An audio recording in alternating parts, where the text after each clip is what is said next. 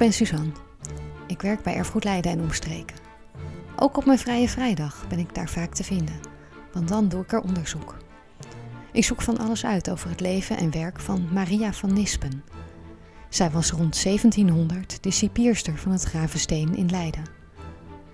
Voor dit onderzoek zit ik vooral met mijn neus in de rechterlijke archieven. Om een beeld te krijgen van het dagelijks leven in die tijd, ging ik in de minuten van civiele zaken snuffelen. Daar vond ik veel opvallende verhalen die niet direct nuttig zijn voor mijn onderzoek. Toen mijn onderzoek tijdens de eerste lockdown stil kwam te liggen, besloot ik hier een podcast van te maken. Dat zijn de vier verhalen uit seizoen 1. Voor seizoen 2 stapte ik over op de criminele rechtspraak. De confessieboeken zijn mijn favoriet. Hierin staat vaak heel gedetailleerd beschreven wat iemand vermoedelijk heeft gedaan. Na seizoen 2 heb ik het podcasten ruim een jaar stilgelegd, maar ik heb besloten het nu weer op te pakken. In seizoen 3 zal ik mensen uitlichten die daadwerkelijk in het Ravensteen gevangen hebben gezeten toen Maria van Nispe de cipierster was. Ik claim geen volledigheid en ook niet de waarheid.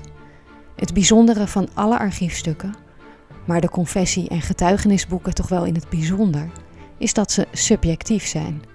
Het doel was natuurlijk om een zo waar mogelijke verklaring op te stellen. Maar werden wel de juiste vragen gesteld? En was de verdachte of getuige wel gebaat bij het vertellen van de waarheid? Zelfs als hij dacht de waarheid te vertellen, is het dan echt zo gebeurd? En hoe is de verklaring genoteerd en nu weer door mij geïnterpreteerd? Mijn podcast hangt van onzekerheden aan elkaar. Maar alsnog geven de verhalen een beeld van het leven in Leiden rond 1700. Ik wens je veel luisterplezier. En als je er inderdaad plezier aan beleeft, wil je dan een review achterlaten in je podcast-app? Daar maak je mij dan weer gelukkig mee.